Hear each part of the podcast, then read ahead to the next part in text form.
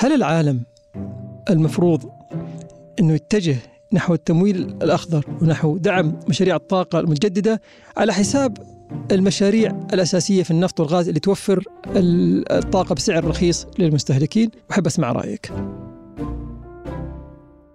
أنا سحر المزاري في ما وراء النفط على الشرق بودكاست. أنا وائل مهدي. مرحبا وائل. بملتقى السوق المالية السعودية 2023 تابعنا مجموعة من التصريحات المختلفة كلها تصريحات هامة لها علاقة بأسواق المال كمان لها علاقة بأسواق الطاقة. أحد أهم التصريحات اللي سمعناها واللي يعني أخذت صدى لازم أسألك عنه. آه، تصريح كان لرئيس شركة أرامكو السعودية أمين الناصر بيحكي عن التحول العالمي بمجال الطاقة. الأهم بالحديث هو عن المبلغ المالي اللي تحدث عنه من أجل التحول في مجال الطاقة من آه، النفط الخام إلى مصادر الطاقة المتجددة أو الطاقة النظيفة. آه، قال أمين الناصر بأنه المبلغ المطلوب يعني حوالي 275 تريليون دولار حتى العام 2050 لتحقيق طموحات يعني طموحات طموحات متقدمة فيما يتعلق بتحول الطاقة أو حتى يعني آه، الحياد الصفري. هذا المبلغ آه، وائل أول شيء من وين؟ ثاني شيء آه، هل مبالغ فيه؟ أوكي. بصراحة سحر هذا الرقم يعني أثار تساؤل عند كثير من الأشخاص. يعني أنا شخصيا يعني قاعد أشوف على جروبات الواتساب كثير من الأشخاص يعني يسألون في الجروبات على هذا الرقم. في أشخاص يعني يمكن حتى تساءلوا قالوا هل هل يعني الإعلام اللي نقل الرقم هذا كان يعني مخطئ؟ طبعا لا الرقم هذا صحيح. وإذا نظرنا إلى آه، كلمة رئيس أرامكو الموجودة على موقع أرامكو راح نجد الرقم مذكور هناك بالتحديد. فالرقم نعم كبير وضخم ونعم العالم يحتاج آه هذا الرقم اللي هو 275 تريليون دولار. دولار.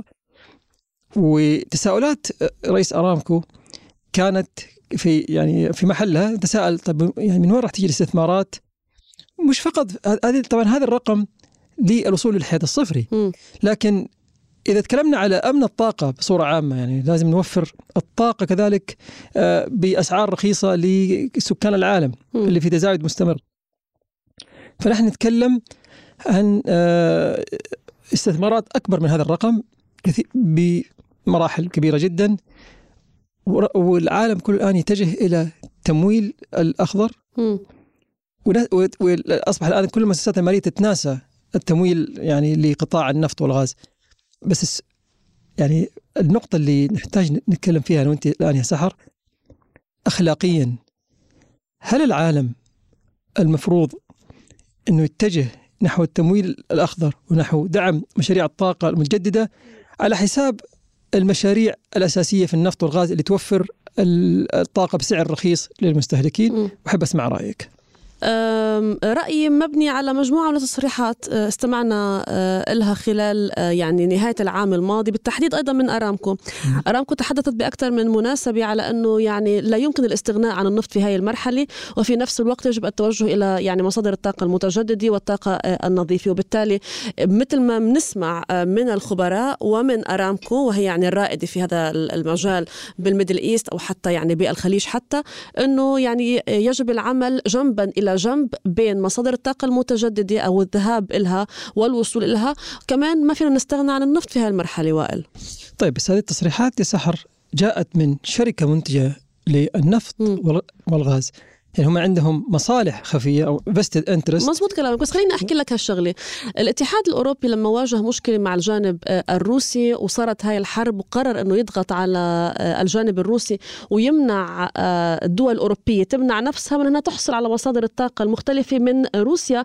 فجأة يعني ظهر السؤال وطفى إلى السطح ليش الدول الأوروبية ما كانت مجهزة نفسها أو يكون في بنية تحتية حقيقية من أجل يعني التوجه نحو مصادر الطاقة المتجددة؟ ليش نطروا لحد لحد ما يكون في تحدي حقيقي على الأرض دخلت هاي الحرب وأصبحت التعامل مع روسيا مش قادرين يضغطوا على روسيا بالشكل الصحيح من أجل أن ينهي هذا الحرب بسبب ملف الغاز والطاقة. وبالتالي يبدو بأنه العالم كله بيتحدث عن مصادر الطاقة المتجددة ولكن غير مهيأ حقيقة أو مش مصدق أنه يعني يجب أنه يعني يتخذ خطوات حقيقية ويحط بنية تحتية حقيقية. طيب أنت شايف أنه العالم الغربي أو الدول المتقدمة تنادي ب يعني التحول الأخضر دائما؟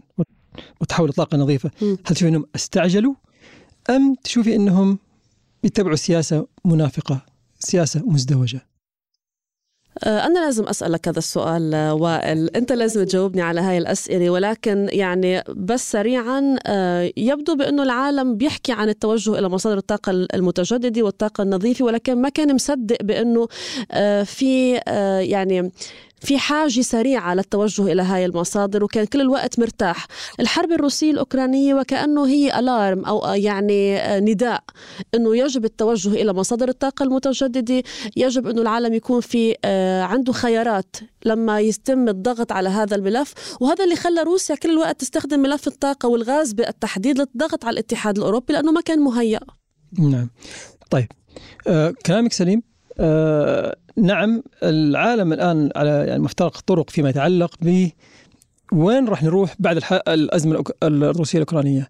هل راح نرجع إلى الخلف ونرجع نستثمر في النفط والغاز أم راح يعني نتوجه للامام مثل ما بيقولوا ونفكر في آه، الاستثمار في الطاقات البديلة.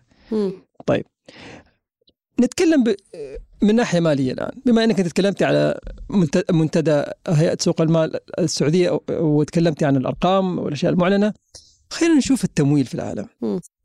نحن اليوم يعني أو نتكلم على 2022 وخلينا ناخذ دراسة محايدة من Bloomberg New Energy Finance بحكم إنهم يعني ما هي أرقام منتج للنفط أرقام محايدة العام الماضي م. لأول مرة استثمارات في الطاقة المتجددة توص تتجاوز يعني التريليون دولار وهي تكون قريبة على الاستثمارات في قطاع النفط والغاز والطاقة التقليدية. م. هذا كان تحول كبير في 2022 طيب خلينا ندخل في الأرقام ونشوف إيش قاعد يصير في العالم. نحن عندنا الآن من هي الدول اللي استثمرت أكثر شيء في العام الماضي في الطاقة المتجددة؟ نتكلم على الصين هي الأولى. استثمرت 546 مليار دولار. بعدها بمسافة كبيرة جدا الاتحاد الأوروبي 180 مليار دولار. تحت الاتحاد الأوروبي الولايات المتحدة 141 مليار دولار. العالم الآن إحنا وصلنا إلى تريليون تقريبا في الاستثمارات الطاقة المتجددة. لكن عشان نوصل للحياد الصفري وهذا دراسة دراسة بلومبرج العالم يحتاج أربعة ونص تريليون دولار سنويا للوصول إلى الحد الصفري بحلول 2050 طيب. العالم كذلك في نفس الوقت يحتاج يعني هذا هذا المبلغ تقريبا يعني يعني للوصول كذلك إلى آه، مصادر الطاقة التقليدية وتوفيرها. فإحنا نواجه نقص في الاستثمارات في الجانبين. حتى وائل يعني يعني في نفس هذا السياق. كوب 27 الذي استضافته مصر كان من المفترض يعني خلال هذه الأجندة أن يتم بحث في هذه المرحلة؟ يعني لما تمت استضافة هذا المؤتمر بمصر الحديث يعني عن كل هذه المساعي آه، للانتقال من مصادر الطاقة التقليدية إلى مصادر الطاقة النظيفة. ولكن تأخر وتم يعني استبدال الكثير من تفاصيل هذه الأجندة وإن أبقوا على العنوان الأساسي ليه؟ لأنه الحرب الروسية غيرت المعادلة وبالتالي بفهم منك أنه كل هذه الخطط آه، من أجل التوجه أو التحول لمصادر الطاقة أو في مجال الطاقة إلى الطاقة النظيفة تأخرت وبالتالي رح تتأخر أكثر وأكثر وهيدا السؤال اللي بدي أسألك إياه في آخر سؤال ببودكاست اليوم. هل نحن رح نسمع من الدول عن تحديد آه، يعني تغيير في السنوات في كل دولة للوصول إلى الحياد الصفري مع هذه الحرب المستمرة بأوكرانيا. أم ستبقي الدول على تعهداتها وستحاول ضخ المزيد من الأموال إن قدرت طبعا من أجل الوصول إلى الحياد الصفري وتخفيف العبء على هذا الكوكب كوكب الأرض؟ طيب هو السؤال من وين راح تجيب الدول هذه المبالغ الضخمة؟ نتكلم على أربعة ونص تريليون دولار سنويا. اللي أنا أشوفه واضح أمامي. العالم يتكلم عن الطاقة الخضراء والتحول للطاقه الخضراء ولكن الاستثمارات غير كافية فيه. ويبتعد عن الاستثمار في الطاقة التقليدية رغم حاجة العالم الماسة له. ورأينا الآن مع الأزمة الأوروبية والروسيه إن أوروبا غير جاهزة إنها صحيح. تتحول. طيب وين قاعد تروح الفلوس؟ هذا هو السؤال. الفلوس مو قاعد تروح هنا ولا قاعد تروح هنا؟ وين قاعد تروح المبالغ هذه كلها اللي يحتاجها العالم؟ هذا هو السؤال. العالم مو قاعد يستثمر صح في الطاقة. في سياسات غلط في العالم.